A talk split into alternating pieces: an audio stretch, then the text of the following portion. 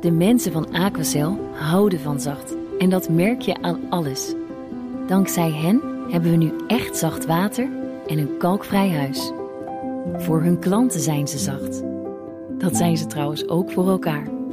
Voor ons zijn zij de kracht van zacht. Aquacel.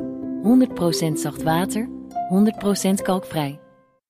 De Nationale Autoshow wordt mede mogelijk gemaakt door Lexus. Experience amazing. BNR Nieuwsradio. De Nationale Autoshow. Meindert en Wouter. Wouter, ik neem je even terug naar 2007. Twaalf jaar geleden. Toen begon het avontuur met de Pelvi. Nederlandse producent van vliegende auto. Ja. Kun je het nog herinneren?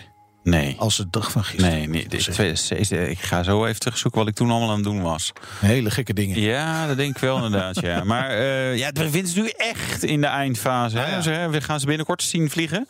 Of zien ze ze vliegen daar in Raamsdorfveer.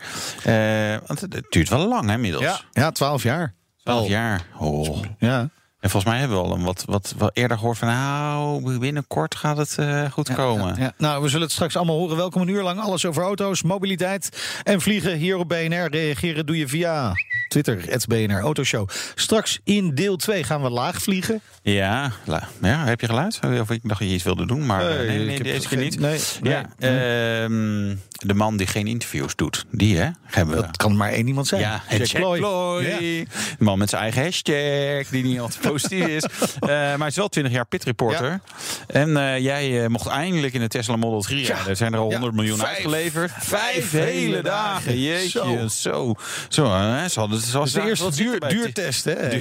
Ja. Hey. Nou, nou, nou. Maar goed, dus wat, wat al 4000 leaserijders uh, al hebben ervaren, heb jij nu ook. Dat je denkt, oh ja, wel fijn en lekker. Lage bijtelling. Maar ja, die had je dan weer niet. Nee, die bijtelling, voor mij was het helemaal wel goedkoop. Ja. Dus als ik zo kan blijven doorrijden, vind ik het ook prima. Is het ja. goed. Oh, nee, maar okay. er zitten inderdaad wel een paar uh, positieve kanten aan de Tesla Model 3. 3, model 3.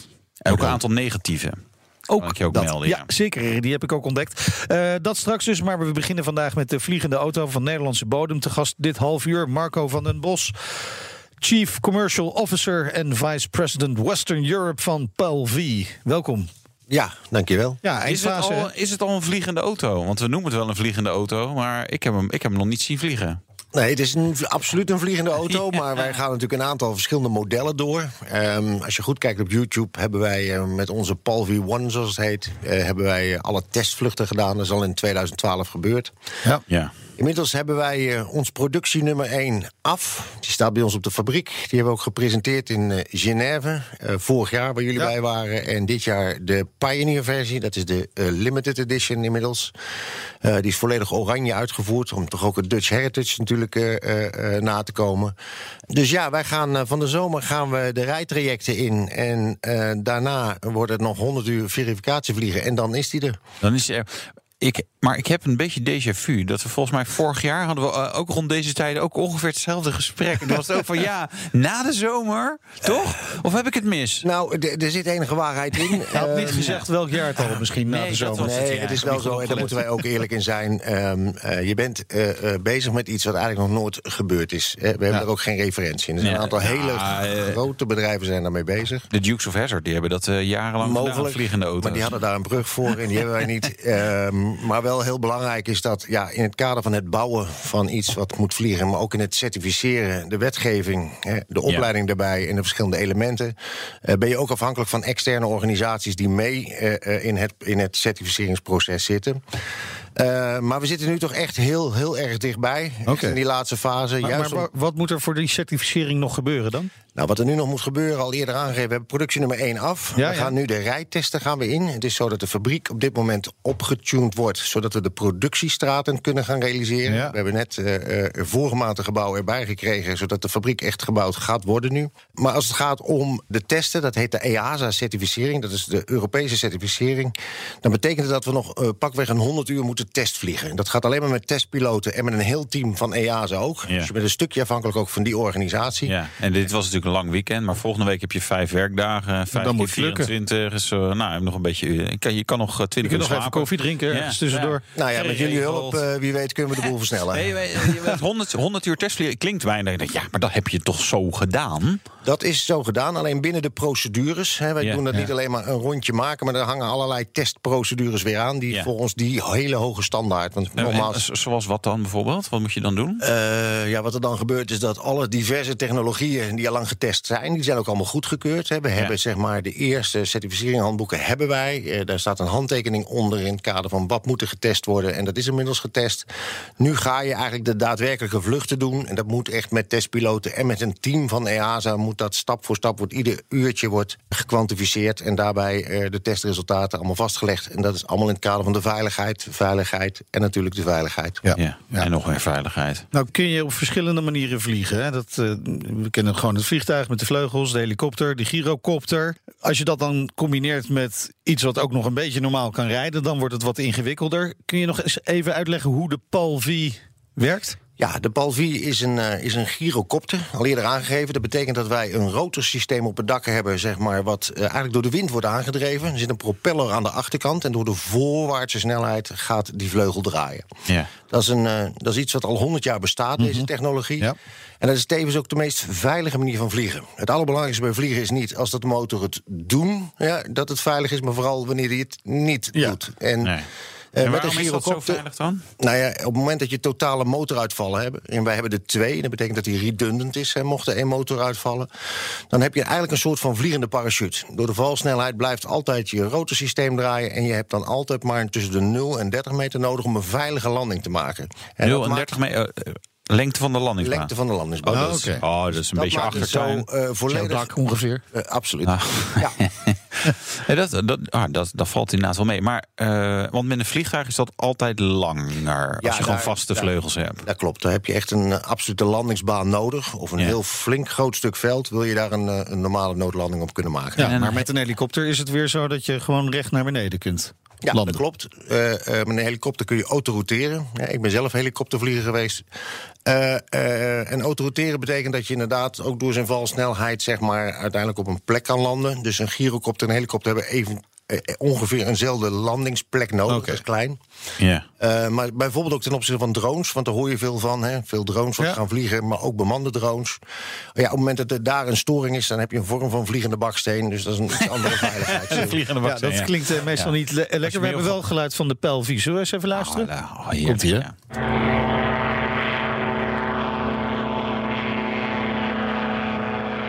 Ja, maar een propellervliegtuig, zo klinkt het een beetje.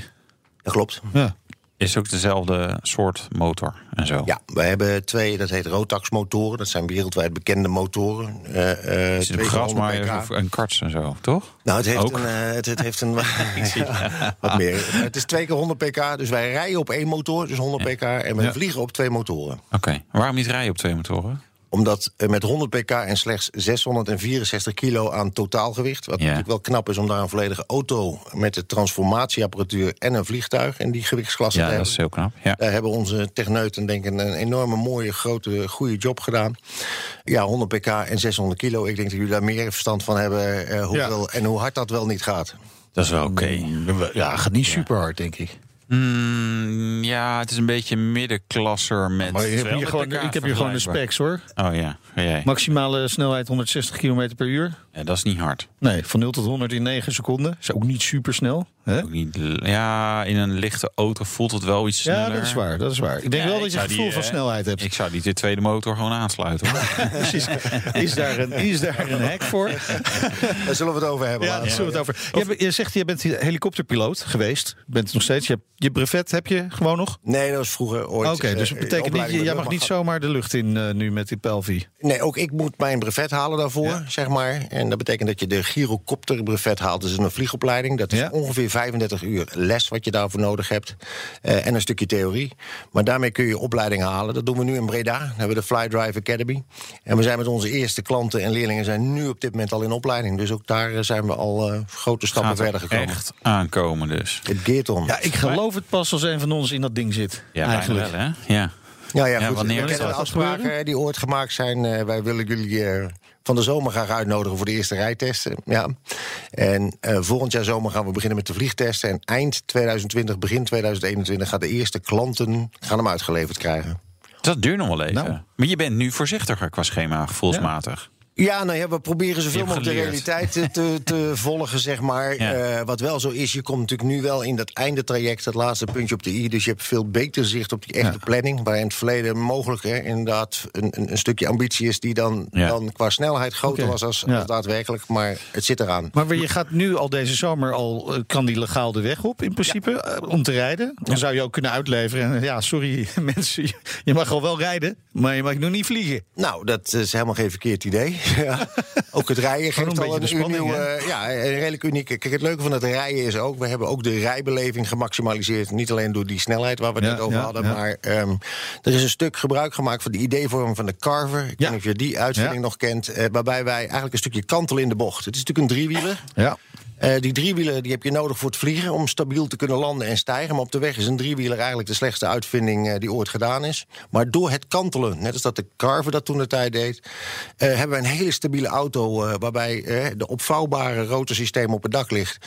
En toch ja, op een hele, hele unieke manier de snelweg over kan. Nou, ik ben wel benieuwd. Ehm, maar het duurt nog even voordat we kunnen vliegen. Alleen voor het vliegen zeg je, ja, je hebt een stukje om te noodlanding, zeg maar, is 30 meter. Ik denk een normale landing wil je eigenlijk liever wat meer eh, gras hebben, denk ik. Ja, dat kan. Is het gras gras, of ga je ja. asfalt? Hoe, Nee, hoe- wij- hoe ga- waar gaan we straks opstijgen en landen? Nou, dat is eh, leuk en fijn Heb je het dat al je geregeld? Ja, daar zijn Ja. wij eh, heel druk mee doen. We zijn heel druk met Rijkswaterstaat om ook een aantal plekken te bekijken en aan te wijzen. ja. Er zijn een aantal grote steden nu al bezig.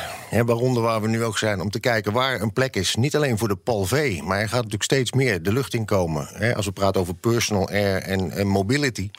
Hè, waarbij drones ergens moeten kunnen landen straks. Waarbij inderdaad eh, vliegende auto's moeten kunnen landen. Is dat eigenlijk alle grote steden. Niet alleen hier in Nederland, maar internationaal. Hè, we hebben vorige week bijvoorbeeld de burgemeester van Seoul op bezoek gekregen bij ons op het bedrijf. Ja. Eh, zijn bezig nu om te kijken hoe gaan we onze, wat ze noemen, urban city mobiliteit regelen. Hè, als het gaat om de komende tien jaar. En die zijn nu bezig al met de infrastructuur daarvoor te bepalen. Dus Ja. We krijgen eigenlijk veel meer bezoek van gemeentes inmiddels. Als dat wij Ja, ja. moeten vragen of Oké. dat alsjeblieft kan. En hoeveel van die veldjes heb je nodig? Nou, we hebben er nu al 23 in Nederland, dus dat is al bijna dekkend. Maar als je gaat kijken naar landen om ons heen, daar heeft bijna ieder dorp, hè, Duitsland, eh, Frankrijk en ook vooral Engeland. Ieder dorp heeft bij wijze van spreken zijn eigen vlieglandingsbaan of landingsstrip. Eh, wij kijken nu bij een aantal grote steden bij exits van snelwegen. Die plekken hebben we al kunnen bedelen. En daar hebben we grasstrips nodig van rond de 300 meter bij 30 meter. Dat is wel te doen. Toch? denk ik wel. Ja. Ja. En daar kan hij dan mooi eh, de komende tijd eh, nog verder achteraan. En zometeen willen we natuurlijk ook weten... welke palvies komen er nou op de markt en hoeveel kan hij er bouwen? Ja, hoe, en, en, en, en hoeveel klanten zijn er al? Ja. Ja, ja nee, het is spannend. Nee, je moet ze ook even gaan verkopen. BNR Nieuwsradio. BNR, de Nationale Autoshow. Het is weer tijd eh, voor het nieuwsoverzicht van deze week. Wat Wouter, leuk. Ja. Eh, zullen we beginnen met eh, jouw auto of de opvolger daarvan? ja, of misschien juist wel niet de opvolger ervan, hè? Dat is wel een dingetje met de nieuwe BMW 1-serie. Dat hij op die eh, voorwielen aandrijft. Ja, nou, in de leuke versie op de vierwiel aangedreven. Maar de basis is gewoon voorwielaandrijver. En dat, wat was er leuk aan de vorige 1-serie? Of sowieso het kenmerk van een BMW, achtwiel aangedreven, mot- motoren in de lengte, gooi dan varen, lekker driftje ermee leggen af en toe. Dat gaat allemaal niet gebeuren met de nieuwe 1-serie in ieder geval. Nee, nee, nee. Dus dat het doet wel een beetje pijn bij mij, maar ook bij andere liefhebbers. Dat merk ik ook wel. Reacties zijn ook niet altijd even positief. Ook niet op het uiterlijk. Dat ik denk, oh ja, Nou, dat hem vond ik nog wel oké. Beetje- wel oké. Ja, het is, het is Gaat een beetje voort op de vorige. Mm, ja, ik vond vooral een in elkaar geslagen X2, wat weer een in elkaar geslagen X1 is. Dus je, hebt, ja, je kan eigenlijk een beetje de hoogte variëren bij in de auto's bij BMW. Dus dan wil je heel hoog X1, iets minder hoog X2, eh, Ja. nog minder hoog 1-serie. Ja. Oké. Maar ja, ik, het lijkt heel erg op ja, Mercedes A-klasse, Zouden Audi we de A3. term zieloos kunnen gebruiken? Dat zouden we kunnen gebruiken. Het is wel een heel hard oordeel. Ja, Ja, daar ben ik Ja. van. Keihard. Ik, ik, weet je, de belofte is uh, zeg maar meer ruimte. Het is goedkoper om te bouwen. Dat is waarom ze het doen. Dus dan kijk meer ruimte. Had hij 20 liter meer bagageruimte. Denk nou, oeh, als we daar allemaal voor doen. En dan 33 mm of iets dergelijks meer knieruimte. De serie toch sowieso niet voor, vanwege de bagageruimte? Nee, precies. Dat is mijn punt. Uh, dus die snap ik niet helemaal. Uh, maar het is ook niet heel veel extra ruimte geworden. Dus dan denk ik, nou, dan moet hij wel heel goedkoop worden. Maar daar vrees ik ook een beetje voor. Nee, BMW, nou ja, dan, nou ja, dan moet je op zoek naar een alternatief, Wouter. En die komt misschien wel van Ferrari. Ja, wel hybride, hè? Ja, maar wel ja. SF90 plug-in hybride. 1000 pk. Ja. Vroeger had je nog 0% bijtelling op zo'n auto gehad. 1000 maar pk? in 1000 pk. Nee, op, op uh, oh, wat ja. is wel uh, de hybride. drie uh, elektromotoren heeft V8 plus V8 plus is 3 of 2. Nou ja, dat, nou, in ieder geval heeft hij heeft 780 pk uit de V8. Dat is eigenlijk de, de V8 uit de Ferrari F8 Tributo. Niet zoveel mis mee. en dan elektromotoren erbij en dan 1000 pk totaal. Oeh. Dat is wel leuk voor op het circuit natuurlijk. Hè? Uh, ja, je ja. kan één rondje Nürburgring ermee doen. Dan is de accu zo leeg dat je uh, weer even bij zou ja, moeten laden. Okay, Schijnt. Okay. Maar heb jij al gereserveerd voor de Dutch Grand Prix? Nee, dat heeft natuurlijk eigenlijk nog niemand echt gereserveerd. Maar nee, je kunt je registreren. Ja, het is al een beetje moeilijk, moeilijk uh, om Hoezo? te voorkomen. Het is heel makkelijk, man. Ja, maar ik heb het gedaan. Ja, je geregistreerd. Maar twee kaartjes besteld. Dus, oh, fijn. Uh, Wouter, nee, maar mag nee, je hebt mee, niet hoor. besteld. Je hebt aangegeven, je ook wil twee kaartjes hebben. Ik neem aan dat als ze daar Meindert Schut zien staan... BNR, dat ze meteen... Uh, hoeft ze niet te betalen, hopelijk. ik ja, daar heb ik in ieder geval geen rekening mee gehouden. dat ik zou moeten betalen. Kom op, zeg.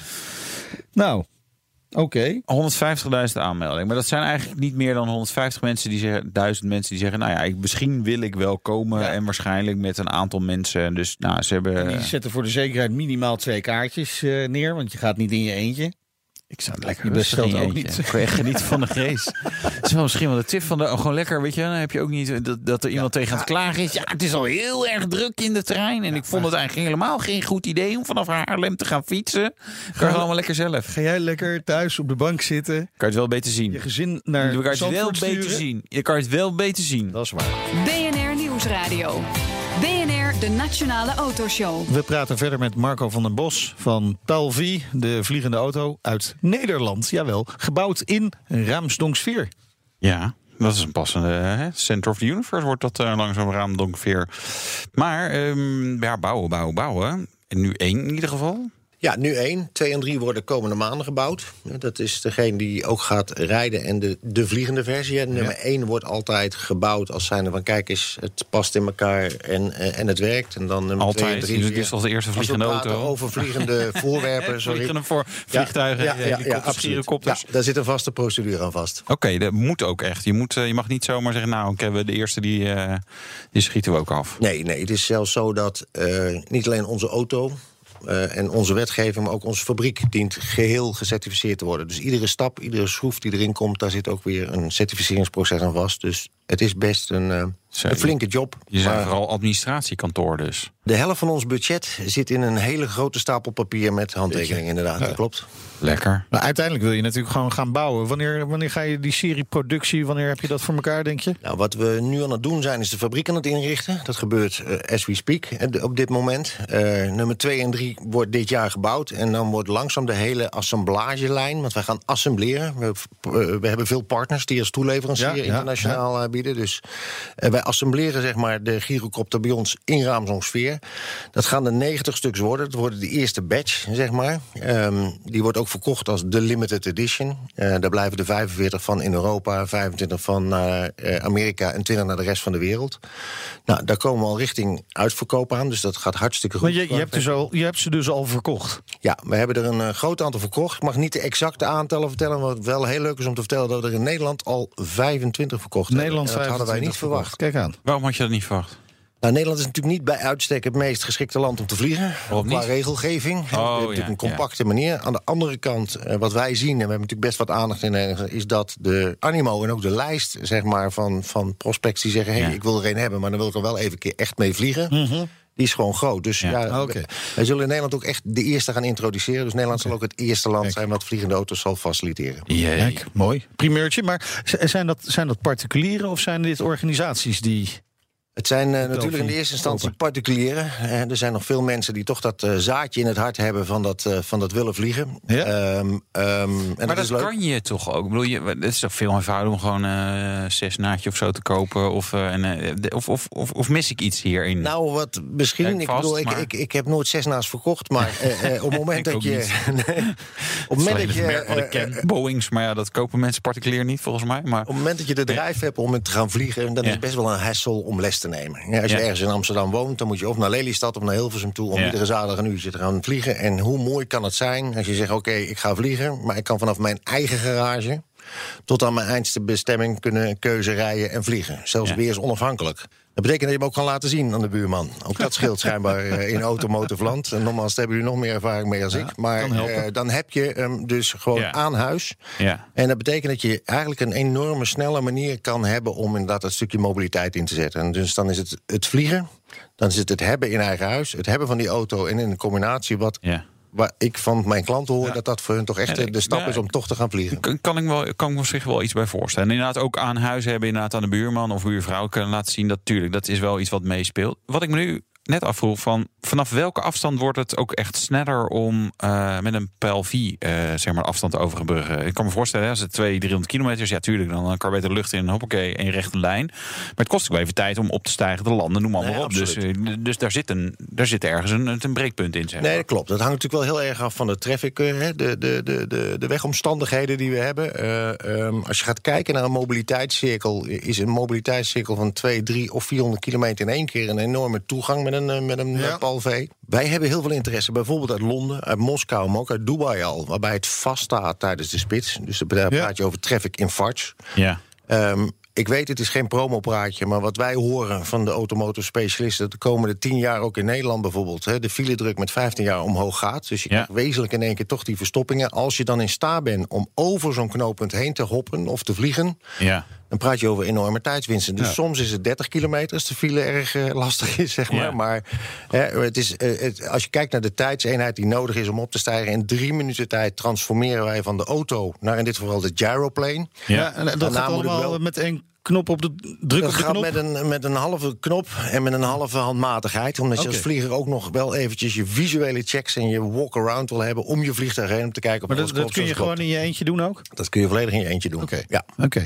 Nee, maar, maar oké, je komt vanaf. Nee, ja, ik denk, je komt vanaf de snelweg A2. Dus ligt daar ergens zo'n zo'n weiland en uh, nou, dat ga je natuurlijk dichtbij uh, de afslag. Absoluut. En dan? Hoeveel, hoeveel tijd kost je dan? Zeg maar uitklappen, opstijgen, de hele... Uitklappen, opstijgen, dan is het inderdaad het veld oprijden is belangrijk. Ja. Dan is het inderdaad die drie minuten, hè, wat hij doet. Hij, de mast komt omhoog, hij klapt hem half uit... en daarna krijg je ook nog, er zit een scharnier in het rotorsysteem... dus die doe je almatig en je trekt het staartstuk uit. Op dat moment nog een keer doe je je checks. Nou, pak daar tien minuten voor en dan is het uh, vol gas geven en recht de lucht in. Vol gas. Uh, dat is natuurlijk ook wel interessant, want uh, automotive ligt onder vuur qua duurzaamheid de, de brandstofauto's, uh, vliegen ook. Het is over het algemeen niet heel erg duurzaam. Hoe, hoe, zit dat met de PLV?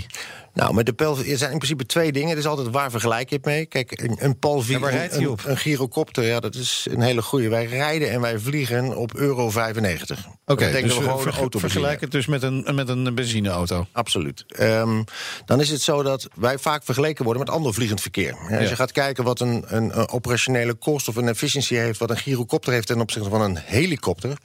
Ja, dan zijn we een factor uh, uh, uh, vele malen goedkoper en duurzamer... als bijvoorbeeld het helikoptervliegen vliegen.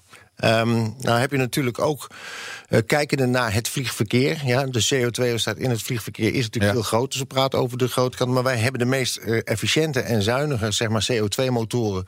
die er te krijgen zijn zeg maar, uh, op, op vliegvlak, qua efficiëntie. Ja, okay. Dus ten opzichte van het huidige vliegverkeer zijn we echt een stuk duurzamer. Hè, bijvoorbeeld vooral naar het helikoptervliegen. Naar de toekomst toe. Ja, daar zit ook het fenomeen elektrisch of hybride ja, natuurlijk in de motor. Oké, okay, daar zijn jullie wel over aan het nadenken. Want je zou kunnen denken bijvoorbeeld aan, aan waterstof. Die vraag komt overigens van Anna van Egmond, moet ik wel even erbij zeggen. die vraagt zich, weet niet of uh, wat soort brandstof zo'n vliegende auto draait. Nou, benzine in dit geval, dus euro 95 gewoon. Uh, zou waterstof niet een interessante kunnen zijn? Nou, wij kijken naar alle brandstofmotoren die er voorkomen. Waterstof is zeer zeker interessant. Alleen het nadeel van waterstof is dat je een hoop water ook de lucht mee in moet remmen. En alles in de luchtvaart heeft te maken met gewicht. Gewicht heeft weer maar te je maken moet ook met... benzine meenemen de lucht in. Nee, dat klopt ook. Maar bij, bij, Volgens mij is bij- waterstof lichter, toch? Wat ons betreft, het is voor ons heel simpel. Aerodynamisch gezien hebben wij eigenlijk een dusdanig vehikel gecreëerd... waarbij we eh, eh, onafhankelijk van de motoren, als het ware, hem in kunnen zetten. Eh, wij zijn alleen afhankelijk van motorbouwers en motorcertificering. Dus wij moeten wachten tot er een gecertificeerde waterstofmotor de markt op gaat komen. Ja. Ja, ja, ja. En dan zijn Ja. we dusdanig voorbereid dat we eigenlijk die slag zouden kunnen maken. En dat geldt ook voor elektrisch. Je, maar elektrisch zeg je, je zegt ook iets over gewicht. En eh, maar energiedichtheid van accu's ten opzichte van een tankje benzine. En Dat is, dat is heel ongunstig. Dus een elektrische pelvie, dat is lastiger dan. Wordt ook Nou niet ja. lichter, hè? Ik, eh, daar kan ik een, eh, ook een lichte primeur op zeggen. Eh, er is bekend geworden, maar wij hebben met eh, de Nederlandse NLR... hebben wij een, eh, een eh, joint venture gesloten voor de komende tien jaar. Dat Paul V samen met de NLR... eh, eh, alles wat te maken heeft met e-VTOL... en dat betekent elektronisch vertical take-off en landing... Ja. Gaan ontwikkelen. Dat Ah. betekent ook dat wij nu op de roadmap ook de elektrische en de hybride versie al hebben staan. Daar liggen de tekeningen eigenlijk al klaar voor. Alleen wij zijn daar ook afhankelijk van de batterijtechnologie Ja. om uiteindelijk tot een stukje range te komen. Hè, De huidige bemande drones die kunnen ongeveer 20 of 30 kilometer vliegen. In de luchtvaart betekent dat als je opstijgt en je hebt wind tegen... dat je achter de plek landt waar je... Maar dat, dat betekent dus eigenlijk ook dat je zoiets als de Duitse Volocopter, hè, heb je, die zie je dan niet echt als concurrent, want dat is toch voor kortere afstanden dan. Nou ja, de, de- je hem, de Volocopter is een concept. Het, is, het blijft een drone. Hè. Het heeft Ja. 16, heeft het verschillende schroefjes. Is een technologie waar bijvoorbeeld ook Mercedes in zit. Er zijn een aantal hele grote partijen bezig. Want er komt wel een enorme markt aan als we praten over de prognoses volgens de grote onderzoekbureaus. Eh, die zien wij als een collega. Ehm, wij denken dat wij een, een, een, meer efficiënt concept hebben door het grote rotorsysteem wat wij hebben. Dat betekent dat de energie die wij nodig hebben, elektrisch of qua benzine, minder is dan al die kleine rotorsysteempjes. Dus wat dat betreft lopen we daar ook best een stuk voor op eh, technologisch vlak. Wat is het voordeel dan van die kleine rotorsystemen? Dat zij daar wel voor kiezen? Ehm, nou, dat is een goede vraag. Dat, eh, eh, eh, als je praat over kleine rotorsystemen, dan heb je twee grote nadelen. A, het geluid. Nee, je hebt een hoogfrequent geluid met een klein rotorsysteempje. En B, eh, eh, hoe kleiner je rotortje is, hoe meer energie ik nodig heb om daarmee omhoog te komen. Ja. Een drone is wel stabiel, omdat het zes verschillende rotortjes heeft, zeg maar, om Ja, hem vlak precies, te houden. ja. Geeft Ja. ook aan hè, dat ook al ga je elektrisch vliegen of waterstof elektrisch, dat geluid dat wordt niet veel minder natuurlijk. Hè? Nee, geluid wordt 9 van de 10 keer niet door de motor, maar, Maar door, de rotor. Ja, precies. Ehm, die, die auto-industrie, dat is wel interessant. Hè? Want je zegt, de Mercedes zit ook in dat Volocopter. Is de auto-industrie, merk je dat al, geïnteresseerd in, in deze ontwikkeling? Hebben jullie ook belangstelling? Ja, je kunt bijna stellen dat de hele auto-industrie hier wel mee bezig is. Eh, we weten dat Porsche net een afdeling heeft opgericht om eh, de eerste onderzoeken te doen. Mercedes is er in, Geely heeft eh, stappen gemaakt, heeft de Amerikaanse partijen overgenomen. Airbus is ermee bezig, Uber Air is ermee bezig. Maar andere- komen ze ook bij jullie aan tafel? Wij krijgen regelmatig geïnteresseerde mensen aan tafel, klopt. En gaat dat ook tot concrete samenwerking leiden, denk je? Ja, nou, als je kijkt naar de stappen die wij maken... wij hebben eigenlijk eenmaal een hoofddoel om absoluut Nederlands te blijven. En er zijn best wat eh. Aziatische Ja. partijen die al eh, om de hoek zijn, eh, zijn komen kijken. Het kost natuurlijk een hoop geld. Dus er Ja, zijn wel centjes voor nodig ook om die productiecapaciteit op te zetten. Ehm, Hoe- hoeveel geld is daarvoor nodig nog?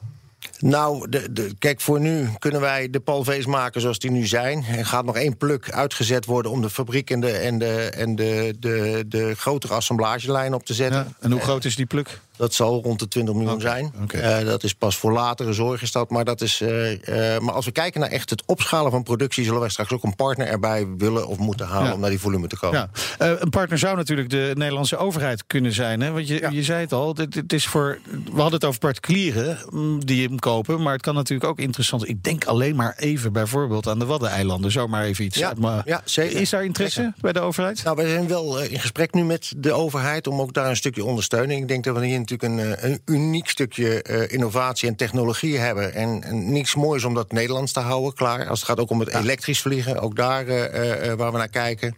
Maar de gesprekken zijn gaande. En ja, wij hopen daar goed uit te komen. Heel veel succes de komende tijd. Er gaat nog heel wat gebeuren daar. Maar over twee jaar dan gaan we de Daar lucht gaan in. wij vliegen. Dan gaan we de lucht in. En deze zomer gaan we lekker rijden. Zo is dat. Dank voor de komst naar de studio. Marco van der Bos, eh, Chief Commercial Officer en Vice President Western Europe van Paul V, de vliegende auto uit Nederland. Ik vind het wel echt, dit is een jongensboek. Ja. Dit is echt een ja, jongensboek. absoluut, dit is absoluut. wel echt gaaf. Bedoel, eh, Ook een ander jongensboek hebben we straks het tweede half uur. Ja, van ons jongetje uit de pits. Ja. Jack Ploy, met zijn eigen hashtag. Eh, en jij reed eh, met een ander jongensboek. is eh, alleen maar eh, jongensboeken. Tesla Model 3. En meisjesboeken ook trouwens, Ja? hè, tegenwoordig. Dat is ook weer waar. De Nationale Autoshow wordt mede mogelijk gemaakt door Lexus. Experience amazing. BNR Nieuwsradio. De Nationale Autoshow. Meindert en Wouter. Hij kreeg op het circuit een microfoon in zijn hand geduwd en werd zo pitreporter in de Formule 1. Ja, Toen nu- kon dat nog. Ja, precies. Nu, twintig jaar later, er is een boek, maar er is ook een hashtag die niet zo heel aardig voor je is. Eh, Oh? Ja. Ontslaat Jack Ploy, die hebben we al voorbij zien komen. Hashtag hè? ontslaat Jack Ploy. Ja, daar moeten we ook even over hebben. Maar ook over het boek en de verhalen uit de pits. Precies. Straks hoor je ook een uh, uitgebreide rijimpressie in misschien wel de meest besproken auto van de afgelopen jaren. De Tesla Model 3. Ik hoor een stofzuiger. Ja, dit is, oh, sorry, dit was de rijimpressie met de Dyson Dyson, die heb ik, ja. V10. Ja, zijn ze al bij de 10? Dacht het wel. Ja, ik heb een V7 of een V8. Volgens mij een V7. Als het V8 was geweest, had ik het er wel Goed, zeker laten we snel doorgaan. Reageren Ja. op deze uitzending kan via Twitter, het BNR Autoshow. En we gaan door met verhalen uit de pits. Dat is het eh, boek van Jack Ploy, pit reporter bij Ziggo Sport. Welkom, leuk dat je er bent. Thank you. Eh, Grand Prix van Canada 1999 moet het dan zijn geweest, 20 jaar geleden. Toen begon Ja, het allemaal. Dat, dat was de eerste, klopt. ja, ja. Eh, spannend was dat. Hoe, hoe verliep dat raceweekend? Weet je het nog? Nee, geen idee. Nee, echt niet. maar, geen idee. Maar je was er, het was niet zo dat je daar spontaan een microfoon in je handen geduwd kreeg. Nee, de meeste dat- mensen zijn niet in Canada. Dat, nee, dat, wa- dat, was, dat was niet eh, daar volgens mij. Maar Ah, er is zoveel twijfel over van wanneer was het nou precies. En, want als je nu Jij was erbij, dus jij zou het ja, kunnen weten. Ja, ja, het zou kunnen, inderdaad. Maar je weet niet meer precies wanneer je bent begonnen. Ja, ik, ik weet wel, 1991, dat was het begin in Monza. Dat was Ja. voor het eerst dat ik eh, eh, dat we iets mochten doen met een walkie-talkie. Maar met de microfoon Oh, was dat in... eh, dat zou kunnen, dat Canada was, ja. Ja, maar je hebt wel een paar grote der aarde eh, geïnterviewd. Michael Schumacher. Kun je de eerste keer het interview met hem nog herinneren? Ja, dat was, dat was, dat was vreselijk. Want Oh, ja. Olaf zei ik hoef, ik hoef helemaal niet eh mariage, maar wel Schumacher doet. Oké. dus eh, ja, ik wist helemaal niet wat de regels waren in het vierkantje. Dat hij eerst naar de Duitse pers zou gaan en dan naar de Engelse pers. En Oh ja. bij de Engelse pers zei hij only one question in English. En toen ging hij. Ging hij er vandoor. En ik stond daar en ik oké, nou, de vraag, ik mocht toch ook wat vragen. Dus ik riep, sorry, excuse me, Michael. Nou ja, dat was niet, was not Dat was done. niet echt hoe het moest. Nee, Nee. niet van eh, Michael. Michael. Dus ik denk, hij draaide zich om.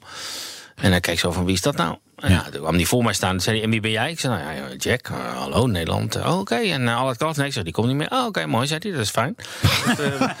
wat, wat, wat, wat, wat is je vraag? Ja, eh, Oh, Oké, wat was ook weer mijn vraag? En ik had zo'n klein boekje waar ik dat allemaal niks opschrijf. En ik, eh, ik kon dat boekje niet vinden, dus ik zocht in mijn zakken. En ondertussen stond hij maar gewoon netjes te wachten.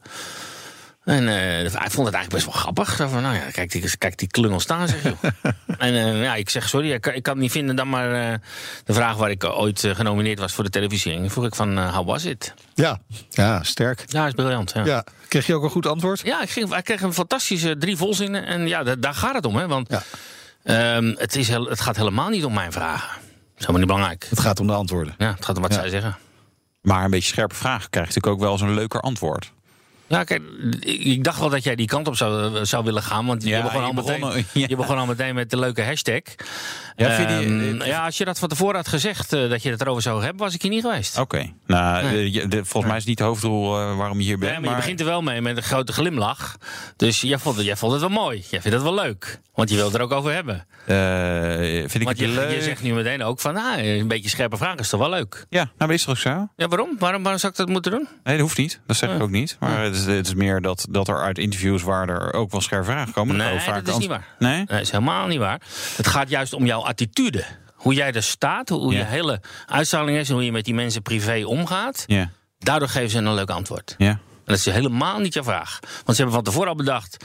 dat wil ik zeggen of dat wil ik niet zeggen. Of ze hebben van tevoren al opdracht gekregen... om dat wel te True. zeggen en dat niet te zeggen. True. Dus het is maar net hoe je het verpakt. Ja. En dan krijg je een leuk antwoord, of niet. Ja. Ja, dat kan natuurlijk ook volledig misgaan. Ja. Tuurlijk. Maar daar hangt ook, eh, als je het zo omschrijft, hangt ook wel heel erg vanaf of jij de klik hebt met iedere Formule 1-coureur waar je een antwoord zou van willen Ja, hebben. kijk, nou, de klik. Je hoeft, je hoeft niet met elkaar in bed te liggen, weet je. Dat is, dat is niet nodig. Dat gaat dus niet liggen.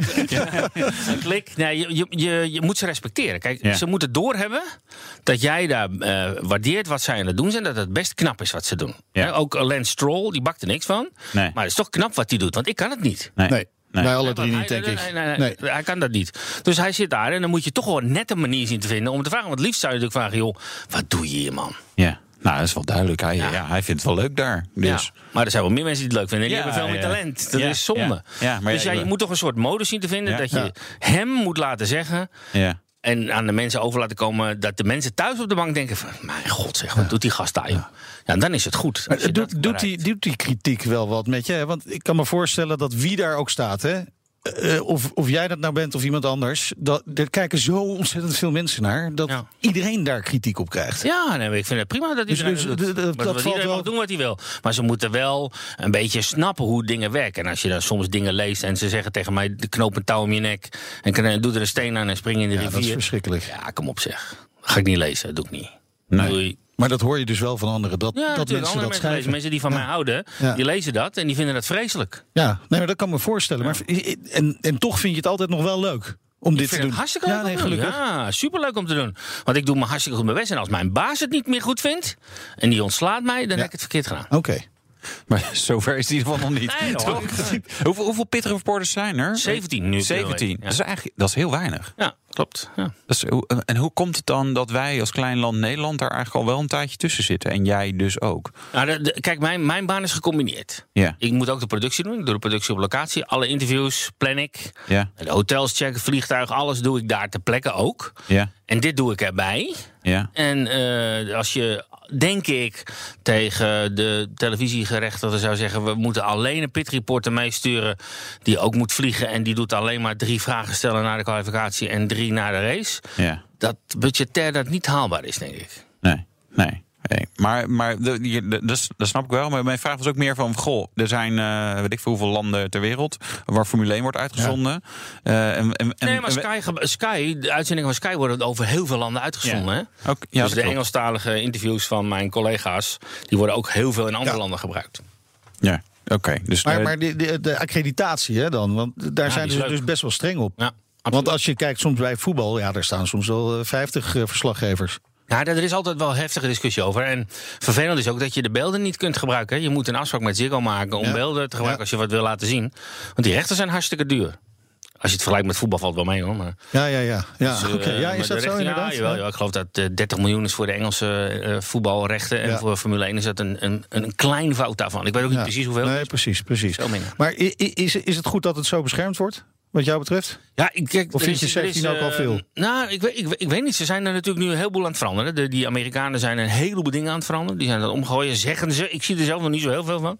Maar wat, weer, wat ik wel fantastisch vind, ze hebben nu een Pro-app die ze gelanceerd hebben. Die kan je dan gaan downloaden. En als je daar een paar uurtjes voor betaalt, kun je de camera die voor op de auto zit, Ja. die kun je dan in die app gaan zien. Ja. Het werkt nog niet helemaal zoals ze willen. Maar dan kun je ook 360 graden meekijken. En dan kun je dus gewoon met je Recht in de favoriete ogen Ja, van- Je kunt hem recht aankijken en meekijken als die ingehaald wordt. Nou, dat is natuurlijk wel fantastisch. Die ontwikkeling is wel Ja. geweldig. Dat vind Ja. ik wel bijzonder. Ja. Ja. Als die ingehaald wordt, is misschien ook wel een trefwoord. Hè? Er gebeurt, eh, er gebeurt wel wat weinig hè, inhalen. Ja, ja. Vind je jammer? Ja, zeker. ik, ik, Ja. ik, ik- ja. De kwalificatie wordt steeds belangrijker. Ja. Ja. en de pitstops. Nou, En ik heb een verrassing voor je. 2020 in mei in Zandvoort. ja, precies hetzelfde. hè? Hetzelfde verhaal. Ja. Ja. Is, is dat veranderd in die jaren? Want jij loopt natuurlijk wel heel Ja, lang vroeger mee. was het wel meer, daar kwam er wel meer op de skills van de driver, van de rijder aan. Ja. Dus tegenwoordig wat minder. Hè? Het is allemaal elektronisch. Dus ja, ze hebben, ze hebben niet zoveel invloed meer. Want Ah, in die sim, eh, de, de, de simracer, dat is echt zo enorm belangrijk geworden. Ja. Dus eh, ze zitten nu al in de fabriek de afstelling van de auto in Canada te maken. Ja. Vroeger werd op het circuit kwam er wat minder geïnformeerd aan. En dan, oké, we zitten aan de verkeerde kant, jongens. We moeten de afstelling helemaal omgooien. En dat, dat kwam dan op die rijder. Die moest zeggen, ah, we moeten dit of we moeten dat doen. Ja. En nu is in de sim alles al een beetje voorgekookt. We nemen deze afstelling en dan gaan we fine-tunen op het circuit. Ja. Dus ja, die elektronica is wel belangrijker geworden, maar ook weer een nadeel voor ons als liefhebbers. Ja, dus er, ja, er is gewoon minder spanning in. Ja. Je Maar ja, bijna- je ziet toch wel binnen die teams, hè? want je zegt net, ja, de, de kwaliteit van de, eh, van de rijder is misschien wat minder groot geworden, minder belangrijk. Maar is- binnen die teams die verschillen toch wel. Je ziet toch wel dat, duidelijk dat Max echt veel verder op zijn minst is dan zijn teamgenoot Gasly. Ja, vind ik mooi dat je dat zegt. Dat vind ik eigenlijk ook. Maar er zijn een heleboel mensen niet met je eens hoor. Nee? Nee, nee die vinden dat helemaal Nou, maar niet. die hebben helemaal geen kijker op. die begrijpen het Die gewoon helemaal niet. van. Nee, maar hij- je, hebt, je hebt wel een klein punt. Hij, eh, hij komt eraan, hij doet het goed. Ja. Hij heeft eh, echt enorm. In de wintertest ging het al mis. En in het begin van het seizoen ging het fout. En toen heeft hij echt alles bij elkaar gepakt om bij Max aan te gaan sluiten. Ja. Dat moet hij echt doen. Want anders is zijn carrière in het team over. ja, en het is ook goed voor Max, kan me Ja, voorstellen, als hij wat dichterbij super. komt. Ja. Ja. Ja. dan kunnen ze elkaar een beetje helpen. Ja. Ja. Als we, over die coureurs, hè, volgens mij in je boeken noem je het ook het opbouwen van die relaties. We hadden het net ook al even over relaties. Dat dat wel tricky is. Ja, dat is best lustig. Want ik, eh, een mooi voorbeeld om te geven. Eh, Twee knopjes geleden kom ik op het circuit aan en we zitten even bij McLaren. Een bakje koffie te drinken. Komt de oude Carlos Sainz. Ja. Die zie ik in Dakar. Want ik doe ook de Dakar. Daar interview ik hem. Die komt even aan tafel zitten. Hoe is het met de Nederlanders? Goed. Ja, Max, leuk hè? Ja, goed in Nederland, prima. En wij vragen natuurlijk, hoe is het met Carlos? Ah, het een drama met dat Honda en dat eh, Renault, zeg. Vreselijk. Ja. Zeg, oh, weet je dat zeker dat je dat nu hardop zegt? Ja. Ja, ja, dat is een drama. Als dit nog drie wedstrijden doet, ga ik weg. Dus wat je dan doet, is je krijgt vertrouwen van papa Sainz. Carlos Junior sluit aan de tafel. We, we lullen over Renault. Maar ja, wat doe je met die informatie? Nou, je zegt in ieder geval op de zender. Ja, dat in ieder geval zeg verteld, ja. Maar ga je dat in je vragen verwerken? Ja. Nou, de, de grote truc is om dat net niet te verwerken, maar hem de kans te laten geven om dat voor je microfoon toch te laten zeggen. Ja. En lukt dat dan altijd? Ja, dat lukt wel. Ja? De eerste vraag die ik hem stelde van... en ben je tevreden nu bij McLaren met Renault? En een dikke knipoog. Ja. Dus kom maar. Kom maar. Of Ja. kom niet. Of het politiek correcte antwoord. Ja, dat kan natuurlijk ook. Dat kan ook altijd nog. Jack Ploy volgde de jonge veelbelovende Formule 1-coureurs van nu al tijdens hun carrière in de kart. En een rijimpressie in eh, de stofzuiger van Tesla, de Model 3. BNR Nieuwsradio. BNR, de Nationale Autoshow. We gaan rijden. De rijimpressie. Nou, zo klinkt hij in ieder geval niet, hè? Maar Meijder mocht wel vijf hele dagen op pad met de Tesla Model 3. Nou, laten we maar eens beginnen met het eh, belangrijkste kritiekpunt op deze Tesla Model 3. Dan hebben we dat gelijk maar gehad. Dit zou de elektrische auto moeten zijn die bereikbaar wordt voor de grote massa. Nou, ons was natuurlijk een auto van 35.000 dollar beloofd. Maar ja, deze versie, dual motor, gaat de deur uit hier in Nederland voor net geen 70.000 euro. Reken maar om, dat is behoorlijk wat meer. Nou, is het op zich wel weer begrijpelijk dat Tesla eerst met de wat duurdere modellen op de markt komt. Hè? Het merk heeft gewoon geld nodig, dat horen we overal. Dus dat is wel logisch. Betekent wel weer dat de Model 3 voorlopig vooral interessant is voor de leasemarkt en maar weinig zal doen op de particuliere markt. Want daarvoor is die gewoon nog altijd te duur. En wat die prijs betreft is de afwerking van de Model 3 ook wel een beetje teleurstellend. Toch een hoop naden die niet mooi op elkaar aansluiten. Kieren die net even wat te groot zijn. Best veel hard plastic in het interieur. En een, ja, een dashboard dat wel heel erg clean en strak is. Ik zou bijna denken dat ze daarop bespaard hebben. Nou past het ook wel misschien weer een beetje bij de filosofie over hoe je een auto in de toekomst opbouwt. Hè? Als je een zelfrijdende auto als uitgangspunt hebt, dan heb je ook niet meer al die knopjes, wijzertjes, lampjes nodig. Alles gaat dan gewoon via het eh, best wel indrukwekkende grote scherm hier op het dashboard. En dat werkt ook wel echt goed. Snel, behoorlijk intuïtief, ook gewoon wel mooi. En met dat scherm en twee knopjes op het stuur bedien je eigenlijk zo'n beetje de hele auto. De rest zit in je smartphone.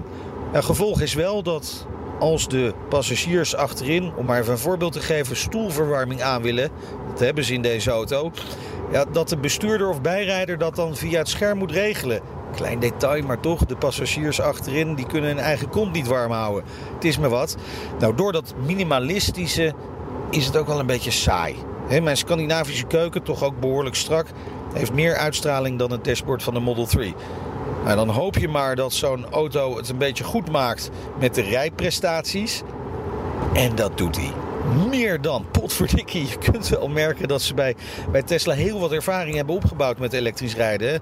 Deze Model 3 heeft eh, twee elektrische motoren. één achter, één voor. Levert hem ruim 350 pk op bij 527 newtonmeter. En daarmee is hij nog niet eens de sterkste Model 3. Snel, dat is deze ook gewoon wel. Van 0 tot 100, 4,8 seconden. En omdat je direct het volle vermogen tot je beschikking hebt, schiet die uit de startblokken. ja, dit is echt best wel heftig hoor. Ja, dan moet je overigens niet te vaak doen. Zeker niet uh, als je passagiers aan boord hebt. Want die worden echt geheid misselijk hiervan. Mooi is dat het uh, flinke gewicht aan accu's lekker laag ligt op de bodem van deze auto. En daardoor heb je ook een mooi laag zwaartepunt. Hè? Maakt hem dus snel, maar ook comfortabel. Terwijl die toch super strak en snel instuurt doet het daarmee ook echt een stuk beter dan gewoon een hoop sportieve sedans met een benzinemotor. En dat enorme voordeel van een elektrische auto benut de Model 3 dan ook ten volle. Het fijne is dat hij het ook nog eens combineert met een hele behoorlijke actieradius. Temperatuur is er nu ook wel naar. Hè. Op een volle accu heb ik zo'n 350 kilometer kunnen rijden. Nou, als het wat kouder is, kun je daar misschien ook wel zo'n 100 kilometer van aftrekken. Maar dat is natuurlijk nog steeds best wel goed. Kost ook wel wat. Hè? Het goede nieuws is dat er ook een mid-range en low-range versie van de Model 3 aankomt. Ja, die zijn beter betaalbaar. Zou maar zomaar eens die, die low-range naar de 40.000 euro kunnen gaan. Nou, dat in combinatie met de autopilot is ook weer een stuk beter geworden. Is dit wel echt een interessante auto voor de forens, voor de lease-rijder dus ook. Ik heb de autopilot voornamelijk in de file gebruikt en dat is echt gewoon wel relaxed. Een soort zen-momentje. Lekker rustig. Auto doet al het werk. Terwijl jij om je heen kijkt of misschien een e-mailtje beantwoordt. Mag natuurlijk niet, hè? handen aan het stuur houden. En dan straks gewoon lekker hem even weer op zijn staart trappen. En al die rust, hè? je hoorde net die vogeltjes niet fluiten. Ja. is wel stiller. De natuur. Ik heb hem vijf dagen de natuur gered. Uh, is het dan niet verleidelijk om de muziek wat harder te zetten dan? Ja, dat, eh, maar dat gaat ook heel makkelijk. Oké. Okay. Dat, dat, moet ik wel zeggen. Dat is wel, qua interface klopt het allemaal met dat scherm allemaal wel. Ja, behalve als je als achterpassagier de stoelverwarming aan wil zetten. Ja. Dat moet dan op het scherm voor. Ja, nee, precies. Dat, dat is ook zo. Ja, en ja, die afwerking, ik vind dat gewoon toch wel matig. Ja, nou, ik, voor, voor een auto van die prijs. Ja, ja, absoluut. Nou, en uh, ik, wil, ik zou niet als passagier voorin willen zitten op het moment dat je een keer zijwaartse aanrijding hebt. Want je, je, je, je gaat je knieschijf ergens uh, hmm. uh, terugvinden in het interieur. Dat vind je precies met dat scherm. En dat is best hard. Mm. Nee, het is echt dat ik, ik stapte erin en dacht: zo, dit vind ik echt niet prettig om daarnaast te zitten. Oké, zo. Het eindoordeel. Deze auto heeft een pruik op. Een pruik op. Ja, een hele, hele slechte uitgewerkte pruik. Ja. Dus het is op zich goed. En toch ook weer niet. Nee, ja, ja grappig hè? Nee, dat is wel, ja. Dit zou met een paar detailaanpassingen, of misschien een heleboel detailaanpassingen, een heleboel ver. Nee, ja, weet je, de basis is ergens heel erg goed. En toch ook weer, het is, het is een slecht omschrijven van, van wat, wat ze daarna allemaal nog zouden moeten doen om het gewoon echt goed te maken. BNR Nieuwsradio. De Nationale Autoshow. En de gast is Jack Ploy. Hij is uh, pit reporter bij Ziggo Sport. Je schrijft uh, een boek, heb je geschreven? Verhalen nou, ik heb het niet zelf geschreven. Dan moet ik even een beetje, een beetje credits geven aan Erik. Hè? Erik Hoebe. Ik heb het een beetje ingeluld zeg maar, ja. in zo'n in zo'n uh, voice recorder. En nou, Erik goed zit dan... Uh, die maakt er iets leuks van. Ja, ja. compliment leesbaars. Oké, okay. gedaan, gedaan. Bijzondere periode waar je over schrijft, hè, die 20 jaar. Als je kijkt naar die periode, wat, wat, wat is dan voor jou het meest bijzondere? Het meest bijzondere in die 20 jaar, de, ik denk de, de, de ontwikkeling waar we het net al een klein beetje over hadden, dat dat racen, dat echte racen van die mannen, die helden, dat is wat minder geworden. We hebben nu wat meer divaatjes. Ja. Als je dan nadenkt hè, over die echte helden van vroeger, die nog met een peuk in de pitzat stonden. en dan lekker twee, twee van die lekkere wijven erbij. En zo. Ja, dat was, toch, dat was wel een beetje. whisky achterover. Ja, dat was wel een beetje het imago van een stoere racer. Die wist dat als die instapte, zou het zomaar over kunnen zijn. En dan geniet je van die laatste minuut ook nog ja, even. Dan wil je dat op, weet je wel, even, met een peukje en een sigaretje en uh, happa. Die mannen, die, dat, dat, dat charismatische van die, van die helden, dat mis ik wel een klein beetje. Want het zijn wel een beetje rijke jongens geworden. Ja, maar aan de andere kant zie je toch wel uh, Max wel een verschil maakt. Als je nu gewoon kijkt. Hè, hij heeft, heeft verschillende teammaten gehad, maar hij lijkt elke keer wel echt zeg maar klasse beter. Sneller, absoluut. Sneller. Ja. Maar hij rijdt ook wel een stuk braver dit jaar. Ja, dus dat, dat, is, ja, ja. dat is netjes hè? Nee, ja. Dat vind ik heel knap van hem. Dat vind ik echt super knap dat hij dat doet hoor. Maar vind je het ook leuker? Nee, ik vond het vroeger natuurlijk leuk. ik, daar heb ik ook een beetje. Ja, maar jongens, denk, oh, stop, stop. Wij zijn bij elkaar. Er zijn wel iets ouder dan 21. Ja. Jullie zien er nog hartstikke jong uit. Ja, ik ben oude lul. Maar als je toch zo'n leeftijd hebt en zo'n omkeer kunt maken al. Ja. Is dan- een goede, goede Ah, yoga-lerares eh, die, die hem Ah, helemaal ontspannen. hulde. Want zo zit hij niet in elkaar, echt Nee. hoor. Nee, want Wie- jij- hoe, jij weet, jij, weet jij hoe hij dat voor elkaar heeft gekregen? Ja, ik loop gewoon door je vragen heen. Ik ben nu word ik aan het Weet zwaar overruled Ja, precies. Ja, dat doen we. Weet, weet jij hoe, hoe hij die stap heeft gemaakt? Ja, zelf heeft hij gewoon zelf gedaan. Ja? Hij heeft- Hij heeft er echt gedacht van, kut jongens, dit kan niet zo. Ja. Dit gaat niet goed. Dit gaat niet goed. Ik moet het echt anders doen. En dat heeft hij gewoon zelf bedacht. Gewoon zelf gedaan. Bam. Het is geen enkele sturing vanuit het team geweest. Ja, natuurlijk zijn de mensen die op hem gepraat hebben. En dokter Marco is natuurlijk een oude wijze man. Die roept het al heel lang. En zijn vader Jos natuurlijk ook. Ja, maar dan moet je, je moet toch altijd zelf dat moment in die spiegel uitkiezen. En denken van, mm, niet verstandig. Moet ik niet doen. Nee. Dus dat heeft hij nu gedaan. Dat vind ik heel knap. Ja, Ja. Maar jij kent hem natuurlijk eigenlijk al ja, als, als, ja. als, eh, Met een beugeltje nog, ja, als want, jij jouw zoon was ook Ja, actief. kartte ook mijn zoon kartte dan zeg maar in de keukenkampioen divisie. Heet dat tegenwoordig zo? Ja, ja, ja, En, en, en Max is natuurlijk in de Champions League. Dat was het verschil. Maar dat was altijd op hetzelfde weekend. Die raceten allemaal door precies. elkaar. Dus die waren daar ook allemaal samen. En dan gingen ze samen voetballen. En dan was het fluiten. En dan moest die karten en die karten. En zo kenden ze elkaar allemaal. En ja, ik, ik heb Lewis Hamilton ook eens een keer gezegd dat hij zijn bek moest houden. Dan liep hij veel te hard te schreeuwen daar. Dat klein, eh, klein baasje daar in de ronde. al die gastjes dus die, die nu in de Formule Ja. 1 rijden, of de meeste, De dan, meeste, die, die zag je toen al rijden. Ja, ja, en Lewis was toen al ja, bizar, net als Max. Lewis heb ik een keer een race zien winnen in een, in een kart met één arm in het gips. Ik weet niet of jullie wel eens binnengekart hebben dat je flikkerde je armen eraf, hè? Na Ja. 30 rondjes. Ja. Nou, 30, je bovenarm. nou, Ja, bij mij al drie al. Ja, inderdaad. maar het- maar dat, dat is inderdaad. Maar, maar eh, toen toen je het had over diva's, toen dacht ik wel van hij bedoelt Lewis Hamilton. Natuurlijk. Dat is maar toch het een is wel iemand die met een gebroken arm dus kan Ja, karten. ja. Ja, maar goed, kijk, ik weet niet hoe het is hè, als je opeens eh, elke maand 2 miljoen euro overgemaakt krijgt. Niet? Hoe je, dat, eh, hoe, je dat ga, hoe je daarmee omgaat, ik heb Nee, geen idee. En hij gaat daar op zijn manier mee om. Hij gaat lekker eh, lunchen in Monaco met zijn privéjet. En dan vliegt hij weer naar Amerika. En dan komt hij weer in Amsterdam lekker fietsen. Want dat vindt hij ook geweldig, hè, Amsterdam. Hij is graag in Amsterdam. Oké. Maar goed, ja, ze verdienen het natuurlijk ook gewoon. Hè. Ze hebben er ook hard voor gewerkt Ja. om daar te komen. Waar, in ieder geval de meesten hebben er hard voor gewerkt om daar te komen. Heeft ook, ja, ja je begint te lachen. niet allemaal. Niet allemaal. Nee, nee, Eh. nee. Maar Max wel. Ja, absoluut. Die heeft het ook niet zomaar... Je moet Jos en Max hebben, en dat zeg ik ook in het boek. Hè, je moet, dus ik heb een interview met, dat is uitzonderlijk. Ik heb het interview met Jos Stappen, hebben we helemaal erin gezet. Helemaal. Ja. Woordelijk. Wat, eh, want dat was zo de basis van hoe Jos zijn leven heeft opgeofferd om Max nu wereldkampioen te laten worden. Daar heeft Jos echt alles voor gelaten. Privé Ja. en zakelijk. Ook zakelijk. Alles. Dus hij heeft echt gewoon alles gegeven. Ja. Hij wist, hij het- zag toen hij die zelf net niet haalde. Ja, ja, wat er voor nodig was om dat laatste stapje wel te doen. Zei hij, dat ga ik met Max doen. ja. En ziet hij dat achteraf dan eh, als een gok? Of Nee, hij heeft- hij heeft er geen spijt van. Nee. dat begrijp ik wel. Maar Nee, de uitslag is nu wel goed, dus de ja, uitslag ja, is nu ja. wel goed, ja. Achteraf Oh, hij hij is nog geen- wereldkampioen, hè, Max? Nee. dus dat Nee, moet dat nog. is waar. dat is waar. Nee, dat is ook nog niet zomaar Had gebeurd. hij Soms zitten wij wel eens daar wat makkelijk over te kletsen. Ja, nee. Maar het is ook nog niet zomaar gebeurd. hè. Maar wanneer gaat het gebeuren? Volgend jaar. Oké. volgend jaar. Bij Red Bull of gaat hij, moet hij dan een ja, switch dat maken? moet toch gebeuren, jongens. Kom op, bij Honda zitten er zoveel mensen zo hard aan te werken. Ja, Ja, maar dat zit ze bij Renault ook. en met Mercedes ook. Ja, bij Mercedes gaat het wel goed. Het verschil is bij En bij Renault zitten de. Fransen aan. het Er, er zitten nog wat belangrijke beslissingen aan te komen. 30 juni wordt de beslissing genomen eh, bij Honda of ze doorgaan, ja of nee. Daar is natuurlijk heel belangrijk. Gaan we door? Want als ze de motoren helemaal gaan veranderen, gaat Honda niet door. En dan worden er sprongen gemaakt. En dan komt de rijderscarousel opnieuw. En waar Max dan gaat rijden, Ja. Dat is heel spannend. gaan we zien. Bespreken we de volgende keer. Eh, binnenkort naar Canada. Ja, woensdag. Woensdag, wat verwacht je? Tot goed? Eh, zon, beetje wind. Oh, lekker. nou, ideale Nee, ik, omstandigheden. weet- ik denk dat het daar weer net zo is als anders. Derde. Helaas, Ja. Mercedes vooruit. We gaan het in ieder geval volgen. Dank voor je komst naar de studio. Jack Ploy, pit reporter bij Ziggo Sport. Volgende keer een uitgebreid interview met... Eh, meneer- verkeersminister Cora van Nieuwenhuizen. Ja, dit was de Nationale Autoshow. Terugluisteren, site, app, iTunes, Spotify. Mijn Ja. naam is Meindert Schut. En mijn naam is Wouter Karsen. Tot Doei. volgende week. Doeg! De Nationale Autoshow wordt mede mogelijk gemaakt door Lexus. Experience amazing. De mensen van Aquacel houden van zacht. En dat merk je aan alles.